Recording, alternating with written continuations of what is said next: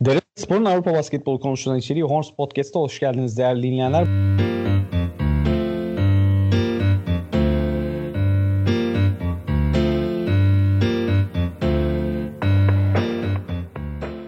Bugün ben yine Kutluhan Koca'dan Mert Özgün'le beraber Avrupa Basketbolu'nun Euroligi ele alacağız.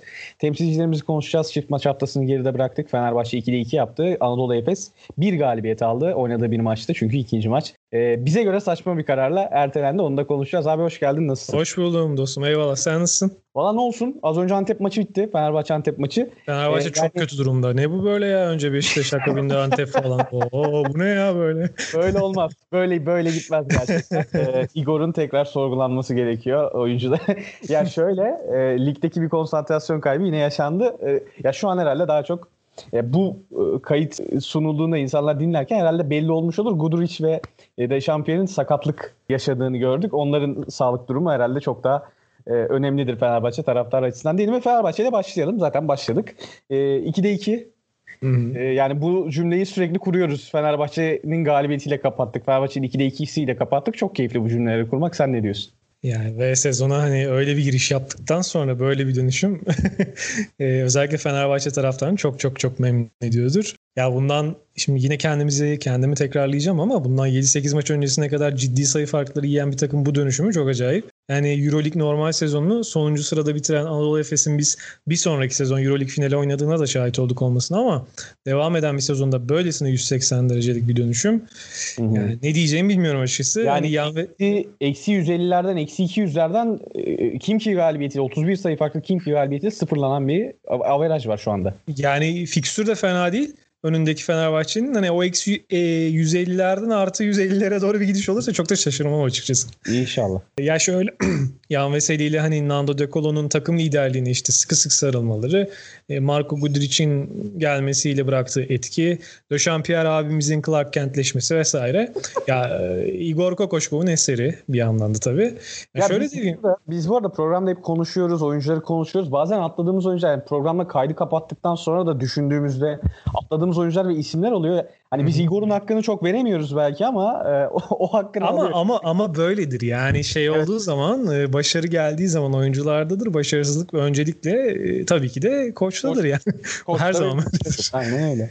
Ya Ama şöyle... oyuncuları da çok fazla eleştirmiştik. En az onlar kadar Igor'u da eleştirmiştik. Hani överken de en az oyuncuları övdüğümüz kadar Igor'u da övmek lazım. Evet evet doğru, evet. Söyle, doğru söylüyorsun. Yani Kokoşkov'un eseri.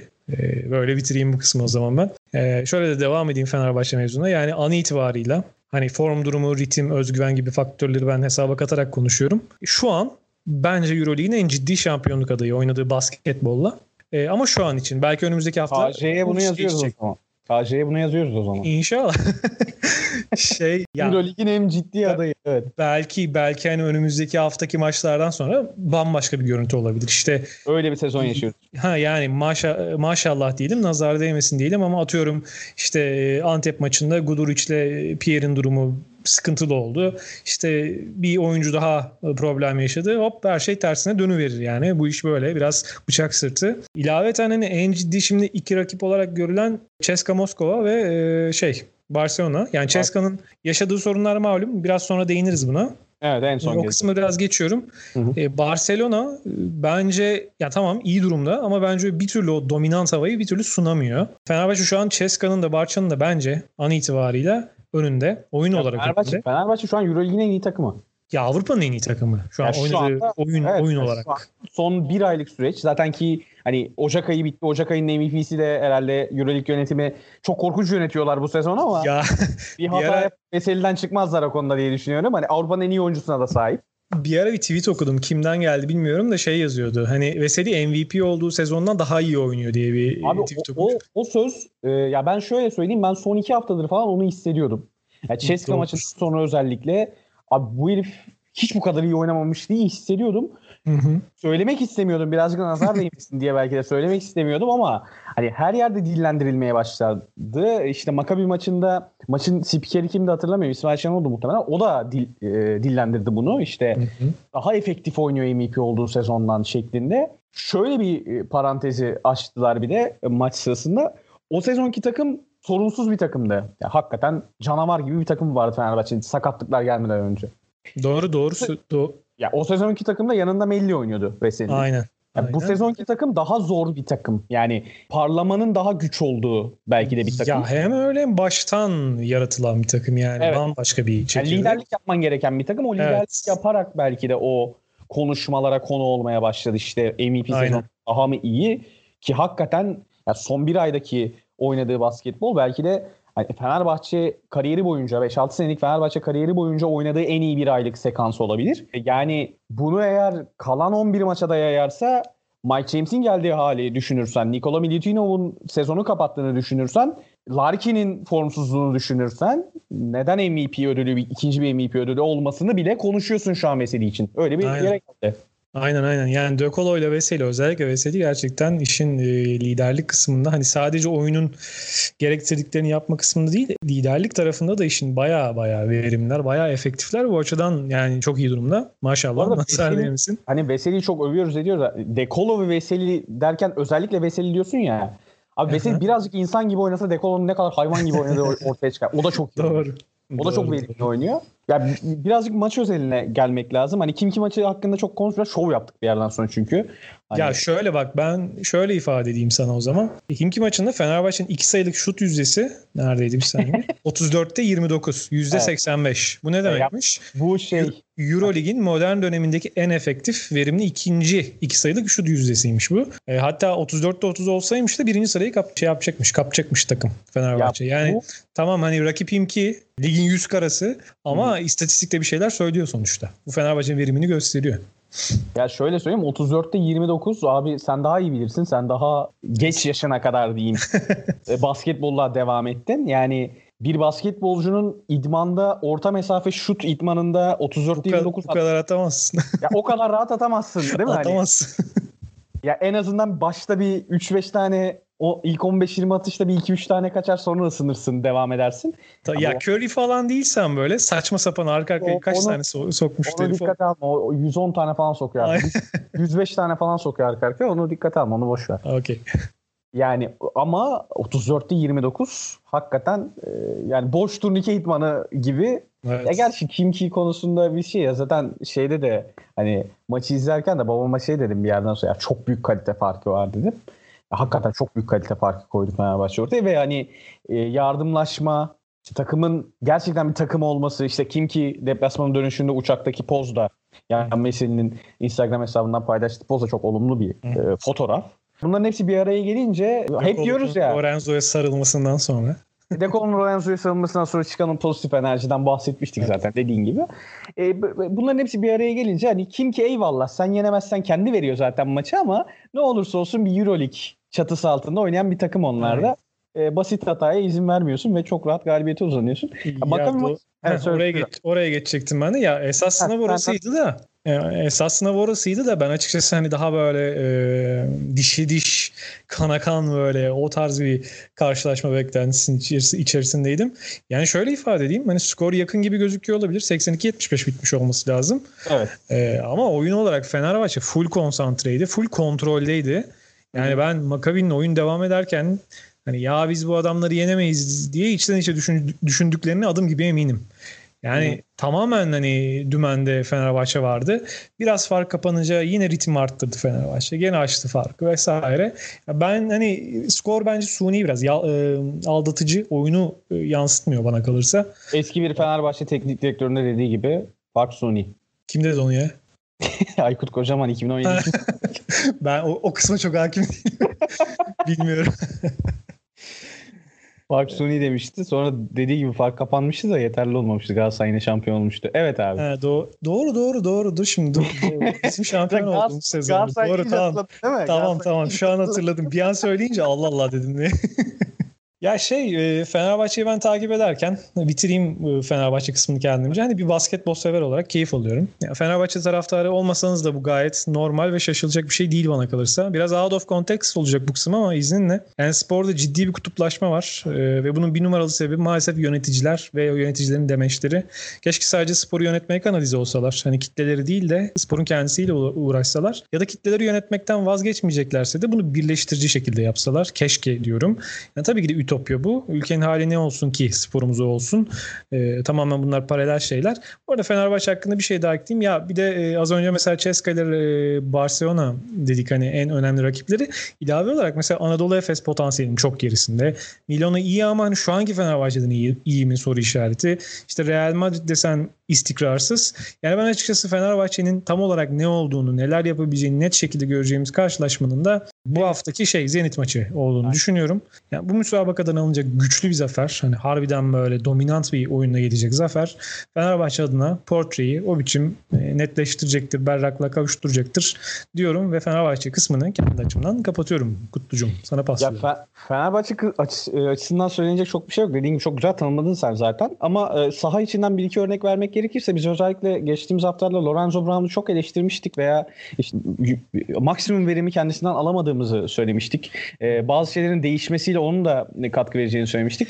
E, Brown konusunda şöyle bir olay var. Özellikle Makabi maçında Makabi ikinci çeyrekte bilhassa açık sahada çok daha fazla fırsat buldu ve açık sahada çok daha fazla sayı attılar. Fakat bu noktada bir plan değişikliği oldu. Bizim ilk e, kısımda, sezonun ilk kısmında Fenerbahçe konusunda en çok eleştirdiğimiz şeylerden biri rakibin bir hamlesine karşılık veremiyor oluşuydu Fenerbahçe'nin. Bu bir şekilde çeşitli olamayışından, e, hücum savunma şablonlarının çeşitsizliğinden, işte Igor Kokoşkov'un müdahale edememesinden vesaire kaynaklanıyordu ki o yüzden eleştiriyorduk. Fakat özellikle Taşan Pierre ve Lorenzo Brown'un koyduğu enerjiyle çok iyi tam sağ baskı yaptığını da görüyoruz biz Fenerbahçe'nin son haftalarda ve bunu Maccabi gibi bir takıma karşı uygulamak, Kimki gibi bir takıma karşı uygulamak onların hücum ritimlerini bozdu, hücum aksiyonlarını e, aksattı demek lazım ve e, giden momentumu, değişen momentumu eline almış oldu Fenerbahçe.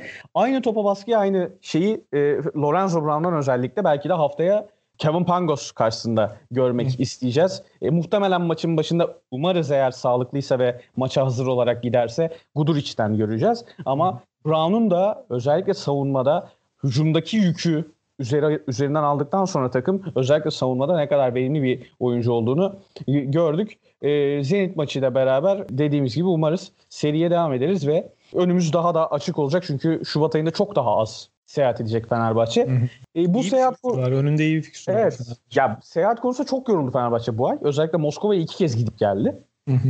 Yani o konuda şu var ama hani şu yönden ben birazcık pozitif yönden bakmak istiyorum. Çok fazla yeni oyuncu var Fenerbahçe'de. Eski oyuncular alışkın ama yeni oyuncuların da görmesi açısından Fenerbahçe'nin deplasman taraftarının verdiği desteği görmeleri açısından belki de e, olumlu oldu. Birazcık da olumluya yormak açısından bu örneği verebiliriz. Çünkü Moskova hem Ceska maçında hem Kimki maçında rakip e, takım serbest atış atarken çok daha fazla ses çıktığını duyduk. O açıdan da Fenerbahçe takımı olduğu kadar taraftarını da yurt dışındaki taraftarını da Aynen. bu hafta anmak ve tebrik etmek lazım. Çünkü bu yıl çok fazla anıp tebrik edemiyoruz kendilerini. evet evet doğru. Ve Efes'e doğru yol alalım. Efes'te İstanbul'da güldü İsrail'e gidemedi. Gidemedi. Ya Efes kısmı çok kısa olacak. Bu hafta tahmin ediyorsunuz sen de. Yani takım öyle bir galibiyet aldı ki aslında ya ben açıkçası nasıl hissetmem gerektiğini inan bilmiyorum. Yani bir yandan düşünüyorum rakip Real Madrid'i yenmiş deplasmanda bir iki maç önce. İşte Fenerbahçe'de bitime sadece bir salise kala kaybetmiş. Böyle bir takım var karşında. Diyorsun ki o hani güçlü takım, iyi takım. Ama diğer yandan da bakıyorsun sıralamaya yani tescilli sonuncu Himki'nin sadece bir basamak üstünde bir takımdan bahsediyoruz. Yani hakikaten ne şekilde hissetmem lazım bilemiyorum bu galibiyet hakkında. Tabii ki de sevindim ama çok da büyütülecek bir şey yok. Efes'in kazanması gereken bir maçtı. E, oyuna dönersem de ya çok iyi bir Larkin vardı. Shane Larkin vardı. Zenit deplas e, Zenit deplasmanındaki facia ilk yarı performansından sonra hı hı. E, iyi bir Larkin vardı. İsteyen bir Larkin vardı. Ayakları yere sağlam basan bir Larkin vardı. Biz bunu görmek istiyoruz kendisinden. Çünkü kendisi bu. Larkin bu. E, ilaveten iyi bir Boboa özellikle şu e, sayı katkısı yönünde. Simon, Kurnoslav Simon oyunun yön, e, yönlendirilmesi konusunda, skor katkısı konusunda çok efektifti. E, ilk yarıda yine gayet iyi bir Mitsic. İkinci yarıda biraz daha m, kontrolden çıktı ama e, kabul edilebilir bir durum Mitsic açısından. Ve de e, Dunstan aslığını, as pivotluğunu sorgulatacak bir performans ortaya koyan Sertaç Şanlı. E, hep söylediğim bir şey. Sertaç Şanlı'ya Sertaç Şanlı'yı bu kadar e, arka plana itmemek lazımdı. İyi performans veriyor. E, Sesimiz Umarım, ulaşıyor galiba. E, inşallah. İyi performans vermeye devam ediyor. Yanıltmamaya devam ediyor. E, böyle devam. Yani bu şekilde ilerlediği sürece Efes'e sürekli katkı vermeye devam edecek. Muharman da işin çaba kısmında fena değildi. Ya şöyle esasen maç skorundaki hani diferans daha geniş olabilirdi. Kaç? 86-72 miydi maç? Hatırlamıyorum şu an. 10, 14 sayı Yani fark galiba. O, o kısmı o kadar atladım ki ben. Ha ya diferans aslında daha daha şey olabilir, daha fazla olabilirdi ama yani son kısımda takım tamamen rölantiye aldı maçı. Ya Rakip, Rakip, rakip garbage time fark kapanması ha, ha, şey yaşan. NBA'de evet evet. genelde hani son 5 dakikayı 25 ile girersin maç 12 ile biter falan. O tarz bir şey yaşandı Bu, gerçekten. bu noktada Aykut hocamın haklı. Yani suni bir fark bu, bu noktada. ya şey bu arada. Ay- şey Ergin Hoca da ya maçtan sonra 35 dakikalık iyi basketbol diyerek zaten özetledi durumu da. E, o da farkın son 5 dakikanın tamamen çöp olduğundan. Ya açıkçası Efes açısından hani bu hafta uzun uzadı diye konuşulacak bir ortam yok. Çünkü asıl olay, asıl hedef maç Makabi maçıydı ama maalesef oynanamadı. Sağ olsun e, hem İsrail hükümeti hem Euroleague yönetimi e, ne diyeyim yani. Oraya e, oraya geçelim Ge- istiyorsan. geçeriz. Ya Benim- şöyle bitireyim hemen bu kısmı ben. Ya Efes hani orta işte alt sıra takımlara karşı zaten kazanıyordu Kutlu biliyorsun sen de. Evet, bu maçı da evet. kazandı. Ee, ama dediğim gibi Makabi maçı esas olandı. İstersen geçelim. Abi şu- geçelim şöyle ekleyeyim ben. Ya bu Larkin Mitsic e, formülünün en azından ilk 5 özelinde bozulduğu bir diğer maçı da rahat kazandı Efes. Yani maçın şöyle yanıltıcı olmaması lazım. Yani ya da bu formülün kalıcı olarak yorumlanmaması gereken nokta herhalde e, yani maçın birazcık seviyesinin düşük ve bir noktadan sonra hakikaten garbage time'a sarmış olmasıydı. O yüzden cidden Maccabi maçı çok daha belirleyici olacaktı. Ama Maccabi maçına e, ne yazık ki e, gidemedik. Ya şöyle bir saçmalık var. Öncelikle olaydan bahsedelim. İsrail hükümeti e, ülkeyi kapatıyor. Hı hı. İsrail şu an aşılama konusunda çok geli- e, aşa- aşama iyiler. kaydetmiş. E, Evet. nadir ülkelerden yani son noktaya getirmiş neredeyse. Nadir ülkelerden yani yüz- ülkenin nüfusunun %20'sinden fazlası zannediyorum en son. Evet. Şu ben an- de %30 diye biliyorum. Doğru. Olabilir, olabilir. Gerçi zaten çok çok kalabalık bir ülke değil. 8 milyonluk bir ülke ama hani çok aşama kaydetmiş durumdalar ve ülkeyi kapatıyorlar. Karantinaya alıyorlar ülkeyi dışarıdan gelebilecek tehditlere karşı belli ki. Ve bir spor organizasyonu ki zaten sezonun başladığından beri ülkelerden izin alarak gitmen lazım. Her e, ülkenin bir e, diplomatik ilişkiye giriyorsun aslında. Euroleague çatısı altında her ülkeyle. Ve imkansızlaşıyor İsrail'e gitmek. Şimdi bu olabilir. Sonuçta olağanüstü bir durum, olağanüstü bir hal var. Ama hani Euroleague yönetiminin e, bu sezon saçmaladığı noktalardan bir saçmaladığı sekanslardan birine daha denk gelmiş oluyoruz. Ve e, maç erteleme kararı. Yani Maccabi Şangay'dan Tel Aviv'e gelecek. Efes de gidip Londra'dan Tel Aviv'e inmeyecek ki. İkisi İstanbul'da. Hani ikisi aynı gün Ya. maçlarını aynı yerde oynuyorlar. Doğru. Şimdi şöyle. e, İki saat arayla oynuyorlar bir de. Şöyle kim söyledi? Sanırım İsmail Şenol söyledi bunu. Makabi'ye İstanbul'da maçı oynatalım teklifi sunuluyor ama Makabi bunu kabul etmemiş. Öncelikle Evet. bu cepte. Tamam etmeyebilirsin. Türkiye'de oynamak istemeyebilirsin. İstanbul'da oynamak istemeyebilirsin. Hadi Türkiye'de de oynamak istemeyebilirsin. Sorun yok. Şey İsrail'e dönüş yolları Atina üzerinden. evet. E madem öyle o zaman Atina'da oynayın. Hadi Atina olmasın. Tıpkı geçen sezon Eurocup'ta Darüşşafaka'nın oynadığı gibi Başına Sırbistan'da geldiği- oynayın. Aynen öyle. Bologna maçını Bu Sırbistan'la yapılabiliyor demek ki. Yani Euroleague yönetimi burada neden nasıl söyleyeyim yumruğunu masaya vurmadı diyeceğim ama bir yumruğu olmadığı için Euroleague yönetiminin ya da ya da İsrail lobisi daha doğrusu e, Maccabi Tel Aviv lobisi e, Euroleague kanadında çok güçlü olduğu için bilemiyorum artık. Bu bir yandan Anadolu Efes'in eksikliği olabilir. Ortada çok fazla şey vardı, alternatif vardı. Abi Yapabilirler. olan olan bence- tamam bir şey oldu zaten. Efes'e oldu şu an. E tabii canım. Ya tek Ya- mağdur Efes şu an. Abi tek mağdur Efes bir de e, zaten işte mesela Zenit'te göreceğiz bunu. E- En fazla eksik maç Zenit'te kaldı. İki maçı eksik. Şubat ayında iki tane fazladan maç oynayacak Zenit. Tamam buna yapacak bir şey yok. Hani ya Kimki olayını da çok yanlış yönetmişler. Hani Zenit'in maçlarını tabii. ertelediniz. Kimki'nin maçlarını niye ertelemediğiniz olayı olmuş sezon başında hatırlıyorsun. Ya şimdi takvimi sıkıştırdığın zaman ortaya çıkan zorlukları biliyorsun zaten. Tabii tabii. Bunlar açık. E farklı şartlar, pandemi şartları, e, bu tarz şeyler olabiliyor işte. Ülkeler sıkıntı Aynen çıkartabiliyor sana. Ya olabilecek en orta yolu bulman lazım. Dediğin gibi Belgrad'a götürebilirsin.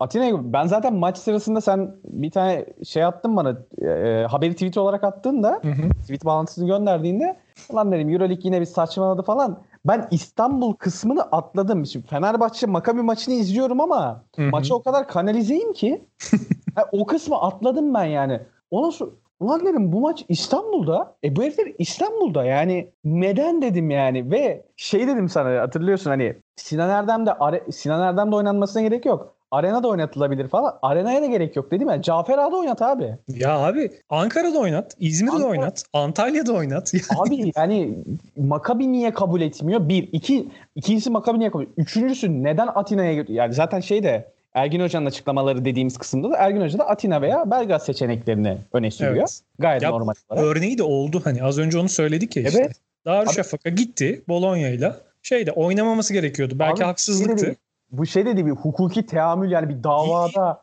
davada sorunsuz kalırsın. Teamüllerden yararlanırsın. Bu öyle de bir şey değil yani. Hani, Değil, değil. Aynen. hani bir tane örneği var zaten. Geçen Aynen. sene yaşanmış. Hani onu o örnek olmasa bile ulan akılım var mantığım var. Oynat işte Atina'da Belgrad'da. Ya yani. bir de şu var şimdi.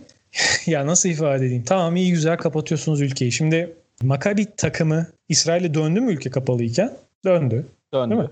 Döndü. Döndü. Peki Efes oyuncu grubu ve teknik ekibi işte fizyoterapistler dahil olmak üzere yaklaşık işte 20-25 kişilik bir gruptan bahsediyoruz. Hadi 35 Yani olsun. Hadi 35 olsun ya dediğin gibi.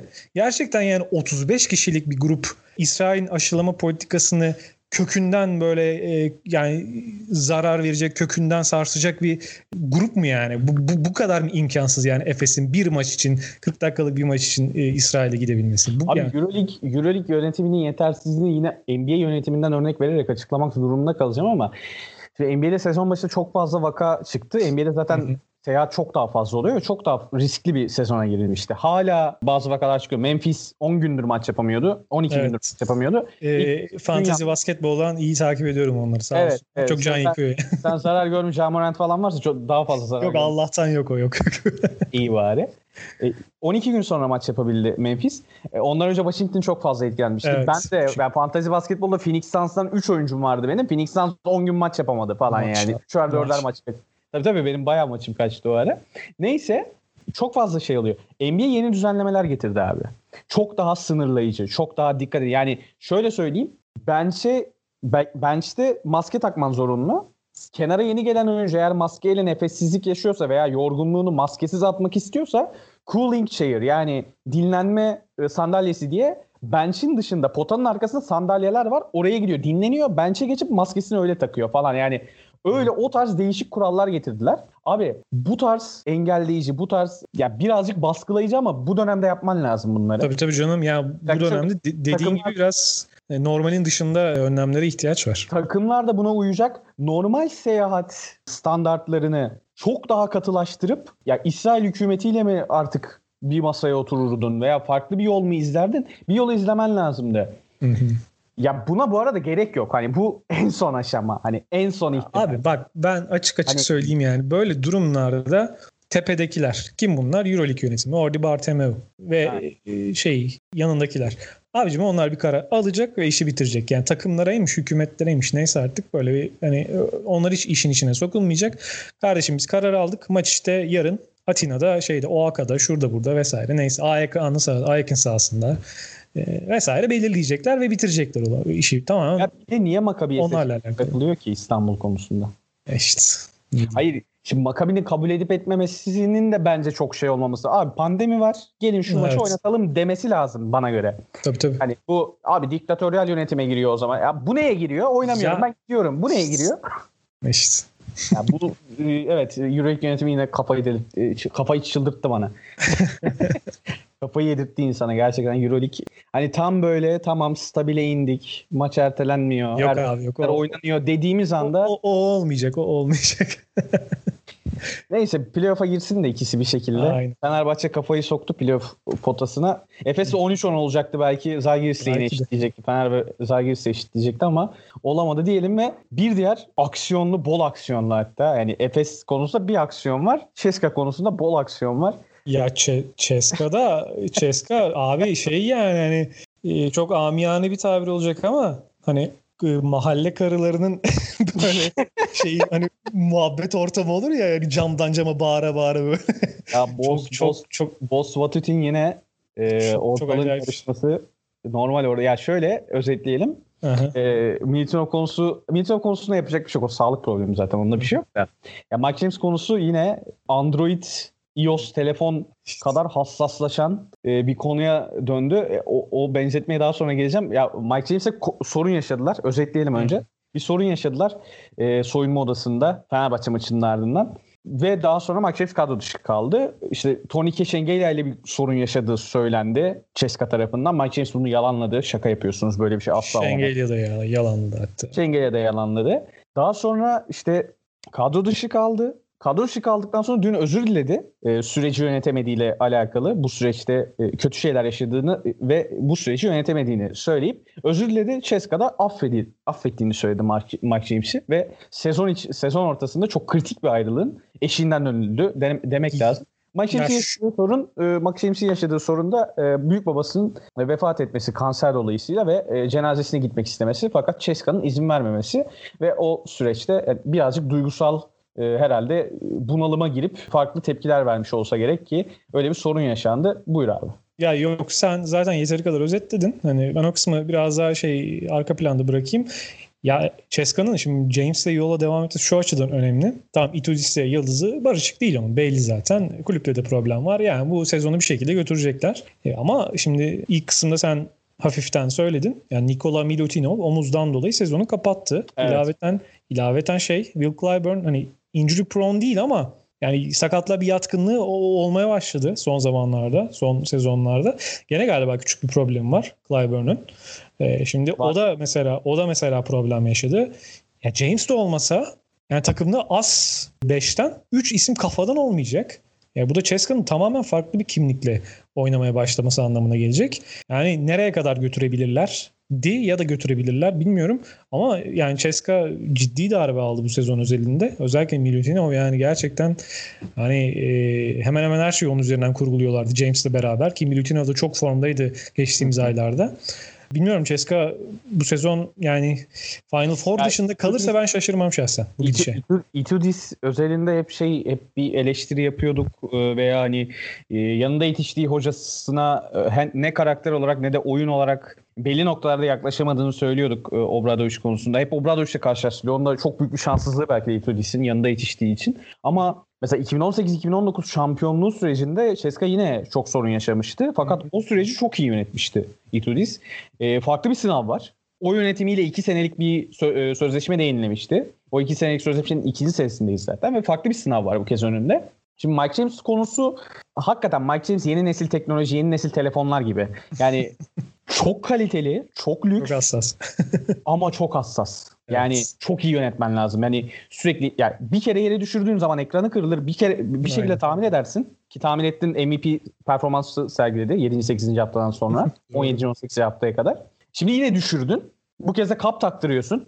Bir kere daha düşürürsen o telefon e, kendinden geçer. Çok güzel oldu. doğru yani, doğru söylüyorsun. E, bir zıplar iki zıplar. Üçüncü de gidiyor.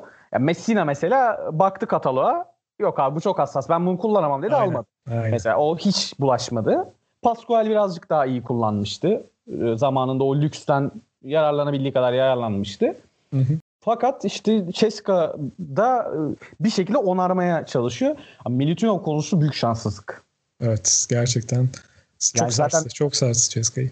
Yani Aralık ayında MVP'si seçildi zaten. Hani hmm. Ocak ayında da form durumu, form grafiği iyiydi. Stabil e, şekilde seyrediyordu. Kötü Ceska'ya rağmen. Kötü Ceska'ya rağmen stabil seyreden oyunculardan bir tanesiydi. Öyle demek lazım. Yani e, Vesel'in hayvanlığı dolayısıyla pek e, ön plana çıkmıyordu ama hani e, ligin en iyi 3 uzunundan biri gibi oynamaya devam ediyordu gerçekten. Savunma anlamında da özellikle yani rebound yani Ceska iyi bir rebound takımıysa zaten yarısı bir Lütino. Ceska herhalde zaten Eurolig'in en size'lı takımı. Ee, yani başka bu kadar size'lı. En size'lı takımı en iyi uzun rotasyona sahip takımı. Hı hı. Bizim hani Veseli'yi övdüğümüz noktalardan biri oydu hatırlıyorsun. E, galibiyetinden sonra. Evet. En iyi uzun rotasyona sahip takımı, en iyi rebound takımlarından biri, en size'lı takımlarından biri. Ya size'dan, ya size'ı yaratan oyunculardan bir birçoğu kısa rotasyonunda olan oyuncular. Evet, evet o çok enteresan zaten. O yani. konuda şeyi yok. E, fakat ya Clyburn dönüşünden sonra da zaten o konu şey olacak. Fakat işte o rebound konusu, rebound sezgisi ya bir de Ceska'da hatta bütün Euroleague'de Milutinov kadar iyi perde yapan herhalde Tavares vardır. Tabii tabii. Yani, yani duvar. Hakikaten duvar. Duvar. Doğru söylüyorsun. Yani çok iyi perde yapıyor. Çok iyi ikili oyun e, çıkışlarında verimli olabiliyor bu konuyu düşündüğünüz zaman. Adam değişme savunmasına seni hapsediyor. Çok büyük lüksü kaybetti. Diğer tarafta da çok büyük bir lüksü iki kere kırdılar. Bakalım üçüncüyü e, ne yapacaklar? Ceska e, son derece e, aksiyon dolu bir haftayı geride bıraktı. Euroleague e, gündemini meşgul ettiler. Son bir konuya değinelim abi istersen. Tabii. Spanulis'in hakemlere koyduğu posta. Parlaması aynen öyle. Ya şey e, bilmeyenler için ifade edelim. Olympiakos e, Barcelona maçı. E, maçın bitmesine işte son 20 saniye falan var. Barcelona Higgins'le beraber potaya atak ediyor. Maç 74-74. E, Olympiakos'a faul çalınıyor ama basit bir faul. Yani e, o o sekansta çalınabilecek bir foul müydü? Muamma. Belki çalınmasa daha iyi olabilirdi hatta. Yani ee, maçın bunun, ismi ve sertliği düşünüldüğü evet, zaman. Evet. Ee, bunun karşılığında da e, foul çalındığını gören koç Barsokas, Olympiakos koçu Barsokas çok ciddi bir tepki veriyor. Ama küfür falan etmiyor hakeme yönelik. Ama e, o anın tabii e, heyecanıyla, ateşiyle, adrenaliyle biraz e, reaksiyonu fazla. Ve yani Barsokas'ın ilk sezonu değil Euroleague'de. Barsokas zaten böyle bir insan. Aynen. Yani heyecanına ve şeye hakim olamayan bir insan. Evet, Aynen abi. öyle. Ve bunu gören yani daha doğrusu duyan, gören hakem de maçın baş hakemi olması lazım. Kim peki o baş hakem? Yavor abimiz buradan He. bir kez daha bir kez daha kendisini belli ediyor. yani kendisini analım da ben an, anlayacağım sözcükleri ben burada e, tasarruf etmeyeyim. Evet abi. Aynen ve teknik faulü çalıyor Varsogas'a. Varsogas'ın da ikinci teknik, teknik faulü olduğundan dolayı oyundan atılıyor. Ve Barcelona bir tane daha serbest atış kazanmış oluyor. Aynen öyle. Ekstra Çok serbest atış yani. kazanmış oluyor. Tabii bu o an için ciddi bir avantaj. Bunun sonucunda tabii şimdi sahada kimse olmadığı için konuşmalar, bağırışmalar her şey tabii duyuluyor. Tabii ki. Barsokas'ın tepkisi duyuluyor işte hakeme. Ne bileyim oyuncuların tepkileri az çok duyulmaya başlıyor ediyor vesaire. Asıl can alıcı nokta senin de dediğin gibi Spanolis'in hakeme olan tepkisi. Artık 39 yani bir... yaşında sahanın babası abisi gibi. Ya ve şey yani o tamamen basketbolcu yani basketbol sporcu karakteriyle verdiği o bir tepki. Hı hı. Herhangi bir hakaret yok. Bir şey yok. Hakeme tamamen hakeme yönelik. Yani oyunu ruhunu öldürüyorsunuz. Basketbol bu değil şeklinde. Aynen. Ee, arka arka hep aynı şeyleri söylemeye başlıyor sürekli ve bu ciddi şekilde duyuluyor Siz tabii. direkt olarak maçın sonucuna karar veriyorsunuz. Aynen öyle. Ya şöyle e, Euroleague yönetiminin zaten birçok spor branşında farklı organizasyonlar da böyledir. Hakemlerinden ricası vardır. Nedir bu? Bu tip anlarda, böyle sekanslarda maçın gidişatına siz karar vermeyin. Hakemler karar vermesin. Oyunun kendisi aksın. Oyuncular karar versin bırakın diye. Ya benim maçta abi çok özür dilerim sözünü kestim. Buyurun, ben yok. E, bir ufak şey atayım maç e, o sekansla alakalı görüşümü söyleyeyim sana tekrar bırakacağım. Abi maçta benim ya faul çalınabilir. O senin anlık tercihindir. Hakem hani hakem hata yapar dediğimiz nokta var ya. Hı hı. Bazen hakem hata yap ya bu sekansı şöyle değerlendirmek lazım. Hata değildir. O an onu düşünmüştür veya o anki evet. inisiyatifi odur. Hani hakem inisiyatifi dediğimiz şey de vardır.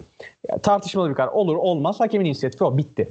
Ama ya özellikle basketbolda son bir dakikada, son iki dakikada maç çekişmeli olduğu zamanlar, çekişmeli olan maçlarda koçların veya sahadaki oyuncuların, bench'teki oyuncuların değil, koçların veya sahadaki oyuncuların bazı fevri hareketlerine ben bu kadar kolay teknik faal çalınmasını anlamıyorum. Ben de anlamıyorum kesinlikle. Yani kenarda bench'te oturan oyuncu sinirlerine hakim olmalı. Zaten o bir kuraldır. Oturmak zorundasın ayağa zıplayamazsın, ayağa kalkamazsın falan filan. Onlar zaten hakemler uyarır her zaman. Oturun, sakin olun. Bence sakinleştirin diye koçları uyarırlar. Bu bir kuraldır zaten. Buna bir şey demiyorum. Ama özellikle bütün maçı ayakta geçiren koçların hmm. o anın adrenaliyle sahada olan adrenaliyle beraber sahada olan oyuncuların verdikleri ufak tefek yani çok büyük küfür barındırmayan, çok fevri olmayan, işte bir darbe barındırmayan hani elini sallar bir yere çarpar bir rakibine çarpar falan. Onda da abi ne yapıyorsun al sana teknik diye değerlendirebilirsin. Böyle olmayan anlarda ya bana göre son 1-2 dakikada teknik faal çalınmamalı. Barsokas konusundaki yanlış karar da o. Doğru söylüyorsun. Ya hani normal şartlar altında mesela atıyorum Barsogas'ın tepkisi ikinci periyodun işte 7. dakikasında olsa çalsa hiçbir şey demezsin tamam mı? Gibi. Gerçekten hiçbir soru. İki yani kural kitabında da bu muhtemelen yazıyor. Ama ya şey dersin e, ya hocam 23 dakika var daha ne abartıyorsun? Evet. Ne abartılı tepkiler çalabilirsin bu. Hayır, uyarı uyarı evet. mahiyetinde bunu verirsin yani ki verilmeli de zaten. Tamam okey sıkıntı yok.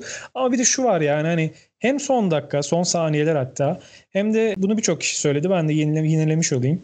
yani taraftar yok. Galeyana gelecek kimse yok zaten salonda. Evet, evet. Yani reaksiyon verecek bir e, kitle yok vesaire. Problem yok. Yani git yanına konuş, uyar. E, geç yani ne var bunda hani zaten koç şey de e, Barcelona koçu Sarunas Yasikevicius da o da çok fazla hani şey yapmadı, üstüne gitmedi. Hatta maçtan sonra haklısınız tepkisini de verdi. Ee, görebildiğin kadar. Koç çünkü. Ha yani o da yani aynı durumda olsa, aynı durumda olsa o da çıldıracak çünkü. O da Tabii biliyor. canım empati yani. Aynen öyle. O aynı yani, durumda olmadığı zaman da çıldırıyor biliyorsun. doğru doğru söylüyorsun. Yani öyle tatsız bir olay yaşandı. Spanis'in tepkisi yine kazındı e, tarihin. Yani Spanis'in 39 yaşında e, hani artık sahanın Çok da iyi maç oynadı bu arada ya. Çok da Yazık iyi. oldu. Çok iyi bir maç sonu oynadı. Ee, Evet. Bu arada maçı uzatabilirdi de Olympiakos. Aynen. Birazcık şanssızlıklarına Hatta e, sayıyı da buldular ama e, işte 0.2 salise. Aynen nokta 3 saniye dediğin gibi geriden geldi. Neyse sağlık olsun diyelim Olympiakos'a. Ne diyeyim Sağlık olsun diyelim ve böyle de bir badireyi nasıl diyelim aksiyonu da atlattığımız bir hafta oldu. Aynen. Birazcık süremizi 2,5-3 dakika açtık ama e, Olsun. çok Sıkıntı aksiyon aksiyon dolu bir haftaydı. Öyle O- öyle. Ayrı- Efes Efes'te hiçbir şey yoktu. Böyle Efes- kapatmış oldu. Efes dışında her şey doluydu. Evet. Ee, gelecek haftada hani gelecek hafta tahminini bu kez ayrıntılı yapamayacağız. Sadece e, Efes inşallah bir Larkin resti. ben, yo, ben sana daha önce söyledim yani Zenit deplasmanından yani daha çok korkuyordum öyle söyleyeyim. Bu, bu, bu, bu maçta o kadar çekinmiyorum ya ben Larkin tamam ya 30-40 tane sallar yine tamam sıkıntı yok yani. 4 Şubat 4 Şubat akşamı saat 23'te Larkin'i e, izlemek için Larkin'i izlemek için Aynen.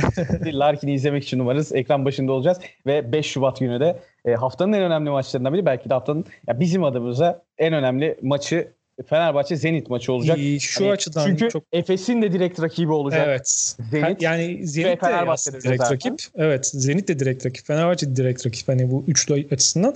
Ee, sorun şu. Yani Antep maçında bakalım Guduric ile Pierre'in durumu ne?